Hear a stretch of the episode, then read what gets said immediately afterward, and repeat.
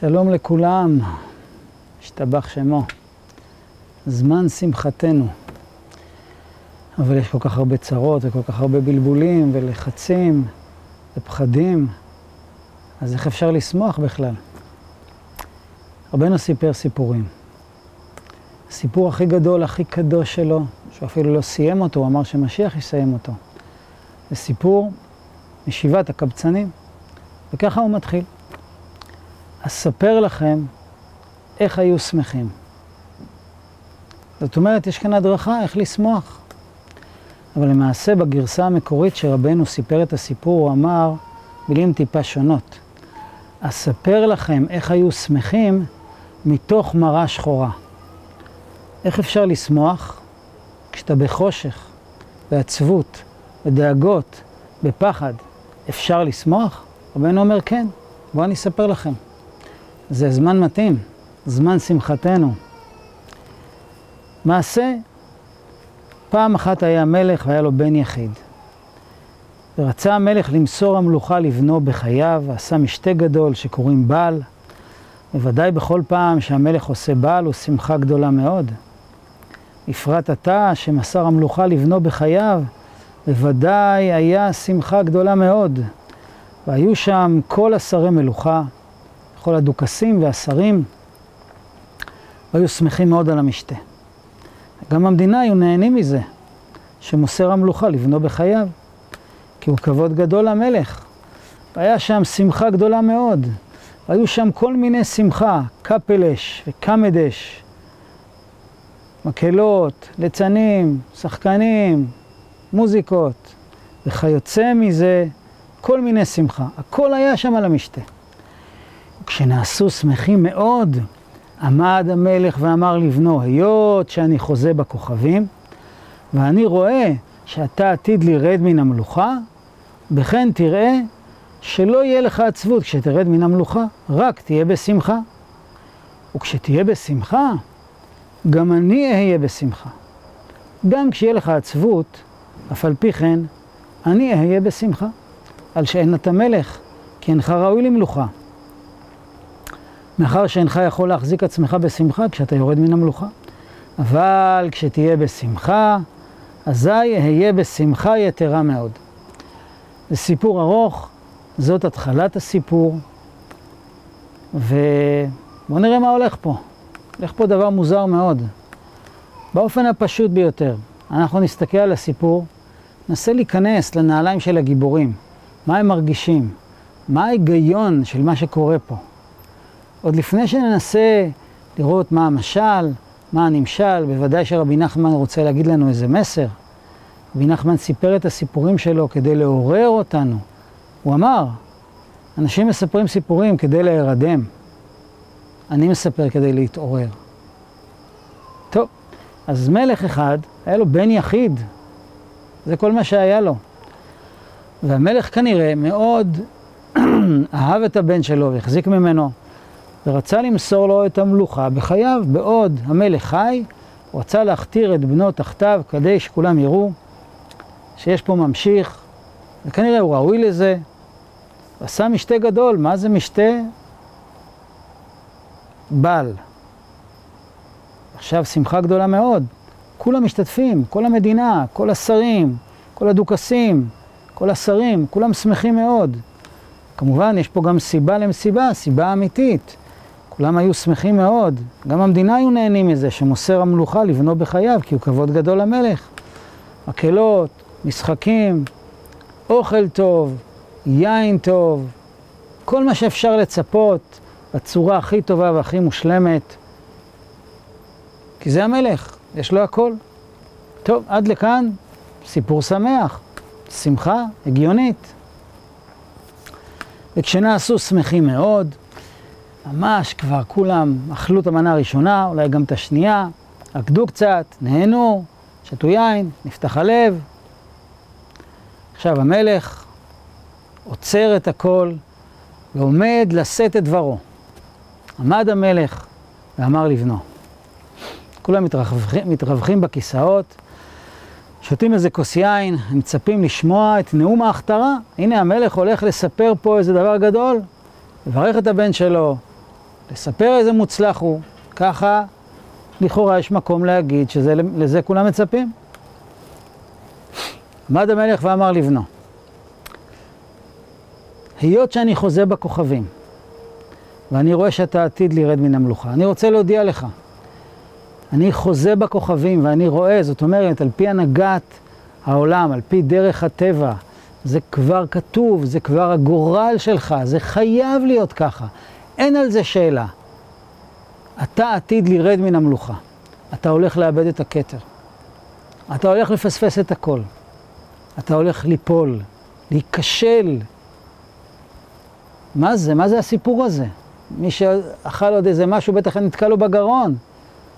החיוכים נמחקים לכולם. מה הסיפור הזה? אם זה ככה, למה אתה מכתיר אותו? ואיך נראה בן המלך? הוא בטח כבר נהיה חיוור. אם הוא מצליח עוד לעמוד זה נס. מה זאת ההשפלה הזאת? מה זה הביזיון הזה? מה זה הסיפור הזה? זה נשמע ממש כמו התעללות הכי גרועה. חס ושלום, אבל ככה זה נשמע. אבל זה לא נגמר.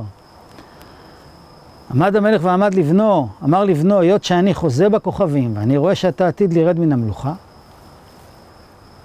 אתה הולך להיות כישלון. וכן תראה עצה, שלא תהיה לך עצבות כשתרד מן המלוכה, רק תהיה בשמחה. תשמע, תהיה שמח, אל תהיה עצוב. אם אתה תהיה בשמחה, גם אני אהיה בשמחה. לא תהיה בשמחה, לפחות אני יודע שאתה לא ראוי למלוכה. מה זה הסיפור הזה? מה זה הסיפור הזה? מה רבי נחמן רוצה לספר לנו? בוודאי שזה מצב של משבר, תחשבו על הבן מלך, תחשבו על בן אדם שמגיע היום הגדול שלו, שבו מכתירים אותו, שבו הוא עולה לגדולה, מקבל משרה, עומד מתחת לחופה, הגיע למה שהוא רצה בחיים, ובאותו יום נופלת עליו פצצה. אתה הולך להיכשל, זה לא הולך להצליח, וזה בוודאות, זה בטוח. אז בשביל מה להתחיל? אז בשביל מה כל הסיפור? רבי נחמן נותן לנו רמז. הבן מלך הזה הוא לא סתם כישלון, שנגזר עליו להיות כישלון. הוא ראוי להיות בן מלך. המלך לא טעה בו, הוא מכתיר אותו, אבל הוא מעמיד אותו במבחן. והוא כל כך אוהב אותו, שהוא מספר לו גם מה יהיה המבחן. איזה דבר פלא. תראו מה הוא אומר, נסתכל במילים נראה פה דבר פשוט. אם אתה תהיה בעצבות, אני אהיה בשמחה, שאין אתה מלך, כי אינך ראוי למלוכה. מאחר שאינך יכול להחזיק עצמך בשמחה כשאתה יורד מן המלוכה. זאת אומרת, המלך אומר לו, תשמע, זה מבחן. אני מספר לך מראש מה יהיה המבחן. נגזר עליך להסתבך, ליפול, להיכשל. אם אתה תחזיק מעמד ולא תתייאש, ו- ולא תהיה עצוב, ואפילו תהיה שמח, אתה תוכיח לי ולכולם שאתה ראוי למלוכה. זה לא חוכמה להיות שמח שהכל הולך חלק. אתה, בן מלך, אתה תוכיח לכולם שאתה יכול להיות שמח כשהכל הולך עקום, כשאתה נופל, כשאתה נכשל. ואני אומר לך מראש שזה מבחן. תראו, זה ברור שצריך מבחן. זה שאתה בן מלך זה מאוד יפה, אבל תמיד הרי יקומו מתנגדים ויגידו, רק שנייה, מי אמר שאתה ראוי? מי אמר שהוא באמת ראוי? גם בסיפורים אחרים של רבי נחמן על uh, נסיכים שמחפשים את הגדולה שלהם ואת הכתר שלהם, וגם להבדיל בסיפורים של אומות העולם. זה מאוד הגיוני שמי שהולך להיות בתפקיד משמעותי, מלך, בן מלך, שר חשוב, שר מלחמה, רמטכ"ל, לא משנה מה, הוא צריך לעמוד באיזשהו מבחן. צריך לבחון את החוכמה שלו, את הגבורה שלו, את היצירתיות שלו, את הנאמנות שלו. צריך לבחון את זה. לא רק בשביל שאחרים ידעו, גם בשביל שהוא ידע. הנה, אברהם אבינו, היהודי הראשון, כמה מבחנים הקדוש ברוך הוא בחן אותו. רבנו בא ואומר ומספר לנו, אני רוצה לגלות לכם את המבחן שהקדוש ברוך הוא שם לכם. לפני שהנשמה יורדת לעולם, אז זו שמחה גדולה, כי הקדוש ברוך הוא רוצה שאנחנו נשלוט בעולם. מה זה נשלוט בעולם? ננהיג את העולם ברחמים, נוביל את העולם למקום של צדק ויושר ואור, כמו שאמרנו בראש שנה האחרון. מלוך על כל העולם כולו בכבודיך. שיהיה טוב, שיהיה חסד, שיהיה צדק. בפרט מה שקורה היום, כולנו מאחלים לעצמנו, מייחלים לזה. ולנו יש כוח להשפיע על זה. אנחנו יכולים להוביל את העולם למקום מתוקן. הקדוש ברוך הוא בחר בנו, היהודים, העם היהודי, להוביל את העולם לתיקון שלו. אבל יש מבחנים. רבנו אומר, תשמע, בוא תשמע את המבחן. המבחן הוא שלא ילך לך. למה? בוא ננסה להבין את ההיגיון. בוא ננסה לחשוב רגע הפוך, שילך לו. בן מלך שהוכתר, הכל הולך לו. הוא חכם, הוא מצליח, הוא גיבור, יש לו תושייה, יצירתי, הוא נאמן, מוביל את העם למקום הכי טוב, הכל טוב, הכל חלק. נהדר, לא? כל אחד מאיתנו היה מאחל לעצמו דבר כזה. מסתבר שלא. כי מה אני באמת יודע על בן אדם, ועל הכוחות שלו, ועל הנאמנות שלו, על האמונה שלו, ועל העקשנות שלו, ועל הרצונות שלו, עד שהוא מגיע למשבר, ולקושי, שהכל חשוך. כל הסיפורים, כל הסרטים, תמיד יש את הנקודת שבר. זה המבחן. אם הכל הולך חלק, אולי אתה סתם גאוותן. אני בן מלך, אני הכי חכם, יש לי גב, אבא שלי מאחוריי. מה... מי אמר שאתה שווה את זה? יש מבחן. המבחן הוא, לא ילך לך. להתגאות כבר לא תוכל. טוב, אז בוא נהיה בעצבות. יש שמחה, שכולנו מכירים אותה. שמחה שהולך לי. הולך לי בחיים. הולך לי בעסקים, הולך לי בחברה, הולך לי בקדושה, הולך לי בתורה, הולך לי בזוגיות, הולך לי בתור אבא, הולך לי בתור אימא. הולך לי, הולך לי טוב. אני נוסע בכביש, הכביש פתוח, אני יכול להתקדם. מה ההולך לי הזה יכול להביא לבן אדם באופן הכי טבעי? גאווה. בקדושה, להיות בן מלך של הקדוש ברוך הוא, ולהביא טוב לעולם, זה לא הולך עם גאווה. אבא שלי מאחוריי, אני פה מכוחו. אם אני מרגיש שאני מסתדר בלעדיו, זה אני, זה החוכמה שלי, אני אתחיל לעשות שטויות. אני לא אספור אף אחד, אני אפגע באנשים, הכבוד יעלה לי לראש. זה לא עובד ככה. בקדושה זה לא עובד ככה. צריך ענווה. מה זה ענווה? מה אם לא הצלחתי? אני ממשיך. אני יכול להמשיך ולהיות נאמן למלך, ולעשות רצון השם ולהביא טוב לעולם, גם אם אני לא מקום ראשון. גם אם נכשלתי, גם אם עשיתי עבירות. גם אם הכל על הפנים, גם אם אני לא מרגיש כלום, לא מבין כלום, הכל עקום, הכל הסתבך לי. ואף על פי כן, ואף על פי כן, אני יכול ליטול ידיים בבוקר? אני יכול לחייך איזה חיוך לאשתי? אני יכול להגיד מילה טובה לילד? אני יכול אחרי שהתרסקתי לאלף ריסוקים, לאלף פירורים, להגיד, אני מתחיל עוד פעם? לאחד כזה מגיעה מלוכה, לאחד כזה מגיעה, ושמה נקודת השמחה שרבנו מדבר עליה. ויאספו ענבים שמחה. ענווה מביאה שמחה, גאווה מביאה עצבות. אני מתגאה, לא הולך לי, ישר אני בדיכאון. רבנו אומר, עזוב, לא הולך, אז מה? תעשה מה שאתה יכול. תעשה את מה שאתה יכול, ותשמח בזה, כי יש במה לשמוח. כי אתה יכול לשרת את הטוב, אתה יכול לשרת את הקדושה, גם כשאתה לא מקום ראשון, גם כשלא הכל הולך, גם כשאתה נופל ויורד. זה נגזר משמיים. אנחנו לא מלאכים, אנחנו לא צריכים ולא יכולים להיות מלאכים מושלמים. כשיבוא משיח, אומרים חז"ל, הוא יבוא ויכריז ויודיע, ענבים, הגיע זמן גאולתכם. למה הוא קורא לנו ענבים? למה הוא לא קורא לנו יהודים, הגיע זמן גאולתכם? בגלל שמי שיחזיק מעמד כשיבוא משיח, הוא יהיה בן אדם ענב. הוא לא יהיה מושלם, הוא לא יהיה מקום ראשון. יהיה לו טעויות, יהיה לו נפילות, יהיה לו משברים, יהיה לו חושך. הוא לא יבין כלום, הוא לא ירגיש כלום, אבל הוא יהיה נאמן. זאת ענווה. זה המבחן. אני יכול להיות שמח, מי מפריע לי להיות שמח? זה נקודה אחת שהסיפור הזה מספר לנו איך אפשר להיות שמחים מתוך מראה שחורה. כי אני ויתרתי על להיות מקום ראשון, ותמיד להצליח ולא לטעות, ותמיד להגיד את הדבר הנכון, ותמיד לקבל את הכבוד, לא לעשות שטויות, אני עושה מלא שטויות. אני טועה, אני נופל, אני מסתבך. אז מה? אז מה? אז מה? אני יכול להיות בשמחה כי יש לי במה. כי כן אני יכול לשרת את המלך, וזה מה שחשוב. יש פה רמז יפה, רבנו מדבר בתורה רפ"ב על המקור השורשי העמוק ביותר לשמחה. הזמרה לאלוקיי בעודי, שמחה כזאת שיכולה להביא את הבן אדם לשיר שירים, הזמרה לאלוקיי, איך? בעודי. בעוד מעט טוב שאני מוצא בי, יש בי טוב, עם כל מה שעבר עליי, למרות ואחרי כל מה שעבר עליי. אני עוד רוצה את הטוב, איזה חידוש.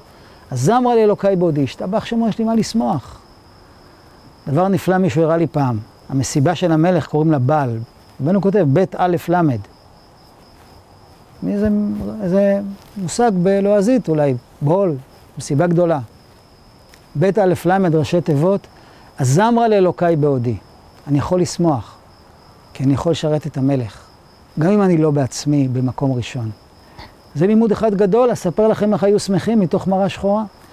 זה בסיפור שלנו, הסיפור הראשון שמספר על איזה שמחה. שמחת ההכתרה שנגמרה במשבר, שהוא בעצם רק ניסיון כדי שאתה תהיה ראוי למקום שלך, לגדולה שלך, כי נשארת נאמן, בלי גאווה, בלי להתנפח, בתמימות, עשית את שלך. יש לך מה לשמוח, ואתה ראוי למלוכה. זה הסיפור הראשון. אבל יש פה עוד סיפור של שמחה. יש פה עוד uh, שמחה בתוך הסיפור. זה סיפור ההכתרה. אחר כך רבנו עובר מהסיפור הזה של בן המלך, פתאום הוא עובר לסיפור אחר לגמרי, תוך זמן קצר, מתחיל סיפור קצר, סיפור ארוך, אחר. ויהי היום, והיה בריחה באיזה מדינה, לא קשור בכלל לכאורה לבן מלך שהסתבך. ויהי היום, והיה בריחה באיזה מדינה, וברחו כולם. בדרך בריחתם עברו דרך איזה יער, ואיבדו שם זכר ונקבה. אחד איבד זכר ואחד איבד נקבה. ועדיין היו קטנים, בני ארבע וחמש שנים, ולא היה להם מה לאכול, וצעקו ובכו. ילד וילדה הלכו לאיבוד ביער, והגיעו קבצנים, כל פעם הגיע קבצן אחר בעלמום, עיוור, גידם, חירש, אילם, כל מיני קבצנים, וכל פעם אחד הקבצנים שהגיע נתן להם לאכול, אבל לא לקח אותם איתו, וככה הם ממשיכים לנדוד ביער, עד שבסופו של דבר הם יוצאים מן היער והופכים בעצמם לקבצנים, ואז מסתבר שבעצם איזה רעיון עולה אצל אחד מהקבצנים, אולי נחתן אותם, ואז הם מתחתנים. כל הסיפור הזה של שבעת הקבצנים, זה הסיפור של שבעת ימי המשתה, של החתונה של שני, של הילד והילדה האלה שכבר גדלו ונהיו בחור ובחורה, והתחתנו, ובכל יום משבעת ימי המשתה מגיע אחד הקבצנים שהם פגשו ביער, ומברך אותם ומספר להם איזה סיפור. זה המבנה של שבעת הקבצנים. שאת הסיפור האחרון, הקבצן השביעי שהיה בלי רגליים, רבנו אומר, אני לא אספר, משיח יספר. זה דבר גדול. עד כדי כך הסיפור הזה עצום וענק, שמשיח יספר את הסוף שלו. אבל כל החלק השני, הארוך והמרכזי של הסיפור, מדבר על חתונה, שמחה. בואו נראה את הסיפור של החתונה. פעם אחת היה יריד גדול באיזה עיר גדולה. והלכו לשם הקבצנים, ואלו הבנים הלכו גם כן לשם. ובא על דעת הקבצנים שישדחו את אלו שני הבנים שיישאו זה את זו. ותכף שדיברו זאת קצת קבצנים, הוטב הדבר מאוד בעיני כולם ונגמר השידוך. אבל איך עושים להם חתונה? סך הכל כולם קבצנים. ונתייעצו באשר שביום פלוני יהיה סעודה של יום הולדת המלך. וילכו לשם כל הבטלרס, ממה שיבקשו לעצמן שם בשר ולחם, מזה יעשו חתונה וכן היה. והלכו לשם כל הקבצנים, וביקשו להם לחם ובשר, וגם קיבצו מה שנשתער מן הסעודה, בשר ולחם, והלכו וחפרו בור גדול, שיהיה מחזיק מאה אנשים, וכיסו אותו עם קנים ועפר וזבל, ונכנסו לשם כולם, ועשו שם חתונה לאלו הבנים. הכניסו אותם לחופה. היו שמחים שם מאוד מאוד, וגם החתן והכלה היו שמחים מאוד, והתחילו לזכור החסדים שעשה עמהם השם מטבח בהיותם ביער. והיו בוחרים והיו מתגעגעים מאוד. איך לוקחים לכאן את הקבצן הראשון העיוור שהביא לנו לחם ביער. זה סיפור החתונה, ואז מתחילים להגיע הקבצנים, כל פעם, כל יום מגיע אחד הקבצנים. בואו נראה את הסיפור הזה. שני ילדים, ילד וילדה הלכו לאיבוד ביער. הם איבדו את הכל. הם איבדו את המשפחה, אנחנו לא יודעים באיזה מעמד הם היו, אבל אין להם כלום, הם הפכו להיות קבצנים, מקבצי נדבות, שמסתובבים ומחפשים כמה גרושים. אז הם מתחתנים, הקבצנים אמרו בואו נחתן אותם, יופי. איך נראית החתונה הזאת? בדיוק הפוך מטקס ההכתרה של בן המלך, שם היה הכל, פה אין כלום. מה הם עשו? חפרו בור גדול שמחזיק מאה אנשים, וכיסו אותו עם קנים ועפר וזבל. איזה מדהים, אולם פרסט קלאס. ונכנסו לשם, כמובן שלא הייתה תזמורת, ולא הייתה תאורה, ולא מנה ראשונה ולא מנה אחרונה, רק שאריות, וכולם לובשים בגדים של קבצנים. נו נו, איזה שמחה. ולזוג הזה אין פה אבא, אין פה אימא, אין חברים, אין כלום, שאריות של אוכל, בור מכוסה בזבל. מה זה? מה זה הסיפור הזה? מה זה הדיכאון הזה? רבנו אמר, אספר לכם איך היו שמחים מתוך מראה שחורה. אין צלמים, אין תיעוד, כלום, דיכאון. אבל זה לא מה שקרה. והכניסו אותם לחופה והיו שמחים שם מאוד מאוד, וגם החתן והכלה היו שמחים מאוד. והיינו אומר, כולם היו שמחים. טוב, קבצנים, מה אכפת להם לשמוח? גם החתן והכלה היו שמחים מאוד, למרות המצב הבלתי אפשרי הזה, שאין שם כמעט כלום. מאוד מזכיר, האולם הזה, את הסוכה. כיסו את הבור בקנים, ועפר וזבל. עם מה מסככים? הסוכה נקראת על שם הסכך. עם מה מסככים?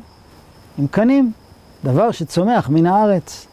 עם עפר אי אפשר לסכך, אבל זבל, חז"ל אומרים, פסולת גורן ויקב. תביא מהפסולת של היבולים שלך.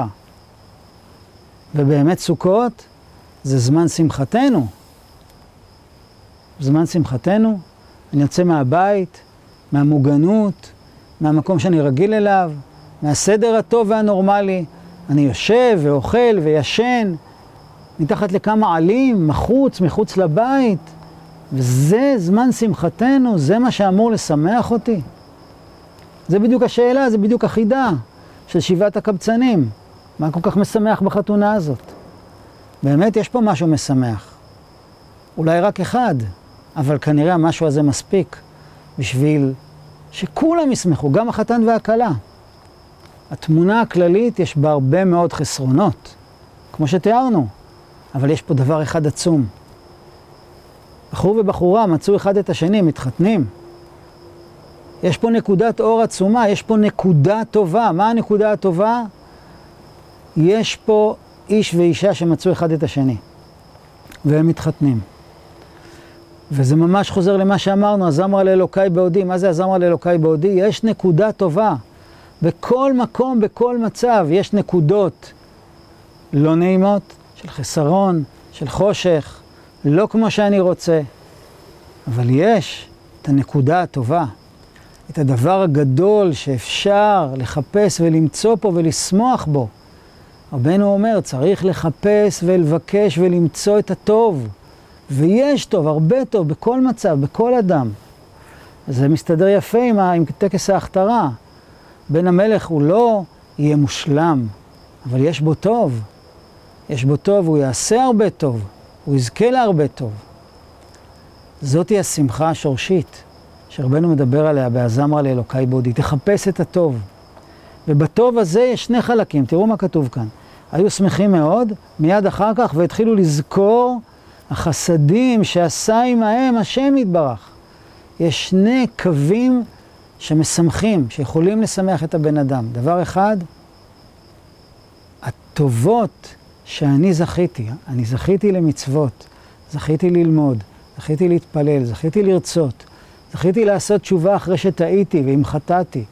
התחלתי מחדש, אספתי את עצמי אחרי ריב, אחרי כעס, אחרי גאווה, אחרי שטויות שעשיתי, התחלתי מחדש. יש בי נקודות טובות, יש בי נקודות אור. זה הנכסים שלי, בשביל זה הקדוש ברוך הוא ברא את העולם עם כל החסרונות האלה. כדי שדווקא מתוך החושך הזה אני אאסוף נקודות טובות. אז אמר לאלוקיי בעודי, זה הטוב שלי. אבל יש עוד נקודת אור. החסדים שהשם יתברך עשה איתי, זה הטובות שלו. כמה טובות השם עשה לי. הגומל לחייבים טובות, שגמלני כל טוב. שום דבר לא מובן מאליו, בפרט היום, בקורונה, בכל הבלאגן היום בעולם. כל בן אדם יכול להסתכל ולראות. אם אני לא רעב ללחם, זה לא מובן מאליו. אם אני בריא, זה לא מובן מאליו. אם הייתי חולה והבראתי, זה לא מובן מאליו. אם יש לי קורת גג, זה לא מובן מאליו. אם יש מישהו שעוזר לי, זה לא מובן מאליו. שום דבר לא מובן מאליו. רבי נתן אומר, יש גמרא, הגמרא אומרת, עניות זה דבר יפה ליהודים. דבר מאוד תמוה, מה זאת אומרת עניות זה דבר יפה ליהודים? אומר רבי נתן, אם אתה מסתכל על עצמך כמו אדם עני, שבאמת אין לו כלום, תתחיל מהכלום. איוב אומר, ערום יצאתי מבטן אמי. התחלתי עם כלום. תסתכל כמה השם נותן לך, כמה השם משפיע לך, והכל בחסד חינם. היום שהכל רועד, הכל בסימן שאלה, אפשר יותר בקלות לזכור את החסדים שהשם עושה לנו. זה הכל חסדים. תודה רבה, ריבונו של עולם. תודה רבה על כל החסדים. אדם מתחיל להתבונן על החסדים, להודות על הדברים הטובים. כמה דברים ביקשתי וקיבלתי, כמה צרות עברו עליי וניצלתי. כמה ישועות השם מושיע אותי ושום דבר לא מובן מאליו. אני מסתכל על זה, אני שמח. אני מסתכל על הדברים הטובים שזכיתי, אני שמח. אבל מה קורה אם אני לא מצליח לעשות את זה? אז רבנו אומר, דיברנו על זה כמה פעמים, צריך לחזור על זה. כמו שהיצר הרע חוזר ומייאש אותנו ומשכיח לנו את העצות של רבנו, אנחנו צריכים לחזור ולהזכיר לעצמנו ולאחרים שזה לא האמת שהכל רע והכל שחור והכל אבוד והכל מסוכן והכל מפחיד ולך תדע מה יהיה ואף פעם זה לא ייגמר. לא, האמת היא אחרת לגמרי. האמת היא שאנחנו כל כך טובים והקדוש ברוך הוא אוהב את מה שאנחנו עושים. והקדוש ברוך הוא שמח איתנו. משפיע לנו כל כך הרבה חסדים, וזה יקר מאוד בעיני השם כל דבר שאנחנו עושים. האמת היא שהקדוש ברוך הוא לא רוצה לעזוב אותנו, הוא רוצה להגן עלינו, הוא רוצה לשמור עלינו. הוא מחכה לראות את הטוב שלנו, והטוב שלנו הוא עצום. ויש לנו במה לשמוח. ושוב, גם אם אנחנו לא מרגישים את זה בלב, רבנו אומר, תעשה בכאילו. מה הבעיה למחוא כפיים? מה הבעיה לרקוד? מה הבעיה לשיר? בלי חשק. בלי שאני ארגיש את זה. רבנו גילה סוד גדול. מה שאתה מרגיש, זה רק מה שאתה מרגיש. זה לא מחייב אותך. אם אתה מרגיש עצוב, זה לא מחייב אותך להיות עצוב, לחשוב עצוב, ליפול לזה. תילחם, זה קליפה, זה טומאה. אתה יכול לשמח את עצמך. כן, אבל לא בא לי, אני לא מרגיש. אל תרגיש. תעשה פעולות, פעולות שמשמחות אותך. לך תיפגש עם חברים, תעשה חסד, תיתן מעצמך. הרבה פעמים כשאדם מתקשר לחבר לעודד אותו, אז הוא רואה כמה יש לו, כמה טוב לו. היצר הרע רוצה שבן אדם יהיה לבד, ירגיש מסכן, ירגיש דפוק, שאין לו כלום ולא יהיה לו כלום. רבנו אומר עצה מאוד מעניינת, אתה במוחין דקטנות, איבדת את המוח, אתה לא מרגיש כלום, אתה לא מבין כלום, תשפיע על אחרים. אני אשפיע על אחרים, אני הראש שלי ריק וחלול, הלב שלי שבור ועצוב. תתקשר לחבר ותעודד אותו. לך תעשה צדקה, לך תעשה חסד, לך תקשיב לאיזה מישהו שזקוק עכשיו, לה, לה, להקשבה שלך. רבנו אומר, לשמח בן אדם זה דבר עצום. אני שמח בן אדם, אני עצוב. תשמח ותשמח. תחיה ותחיה. כמה עצות רבנו נותן? אל תהיה לבד, לך תיפגש עם חברים, לך תיתן מעצמך. תעשה את עצמך כאילו שאתה שמח. בפרט בפרט, שזה הזמן. זמן שמחתנו. לא מוצא בעצמי טוב, לא מרגיש שהטוב הזה שווה. תיתן לאחרים, תיתן ותראה מה יש לך. הרבה פעמים, כשבן אדם הוא עצוב, כשבן אדם מרגיש ריק וחסר, פתאום מתקשר אליו איזה חבר, ופתאום הוא מוצא שהוא מעודד אותו והוא יצא מזה. אל תחכה שזה יקרה במקרה, תתקשר לחבר, תזמין חבר, תעשה טוב, תעשה חסד, תתנדב, תדבר עם מישהו שקרוב אליך. ויש לנו קרובים שזקוקים לנו, תמיד יש לנו מה לתת, אפילו אם זה רק הקשבה. אז בעזרת השם, שאנחנו נזכה לדעת ולזכור שעצבות זה סטרא אחרא והקדוש ברוך הוא שונא אותה, ובאמת אנחנו שמחים, יש לנו שמחה גדולה שיש בורא עולם והוא דואג לנו, וגם אם אנחנו לא מרגישים את זה, אנחנו נעשה מה שאנחנו יכולים, אפילו בכאילו, עד שאנחנו נזכה לזה. ויש בנו הרבה טוב, זה מה שנשאר. בעזרת השם, שנזכה להיות בשמחה תמיד. אבל רגע, שכחתי להגיד עוד משהו נורא חשוב. רבנו אמר, צריך להיות תמיד שמח. ישר זה מכניס לדיכאון. אתה לא שמח. שאיפה, יש סולם. אני לא בראש הסולם. אבל קמתי היום בבוקר, אז יש לי כבר שמחה. אם הייתי לגמרי לא שמח, גם לא הייתי קם. אני צריך לחפש את הטוב, גם את קצת השמחה. מח... מחאתי כפיים, חצי דקה. אה, שטויות, לא שווה כלום. שווה הרבה. כל דבר קטן שווה הרבה, ואם אני אאמין בזה, אני אעשה עוד. אפילו אם אני לא הכי שמח ורוקד על הגגות. אני שמח את עצמי, ואני אלחם בעצבות, ואני אזמין חברים שיעזרו לי, ואני אעזור לאחרים, ואני בעצמי אצא מזה. שיהיה לכולנו זמן שמחתנו, ונמתיק, כמו שרבנו אמר, את כל הדינים והצמצומים. חג שמח.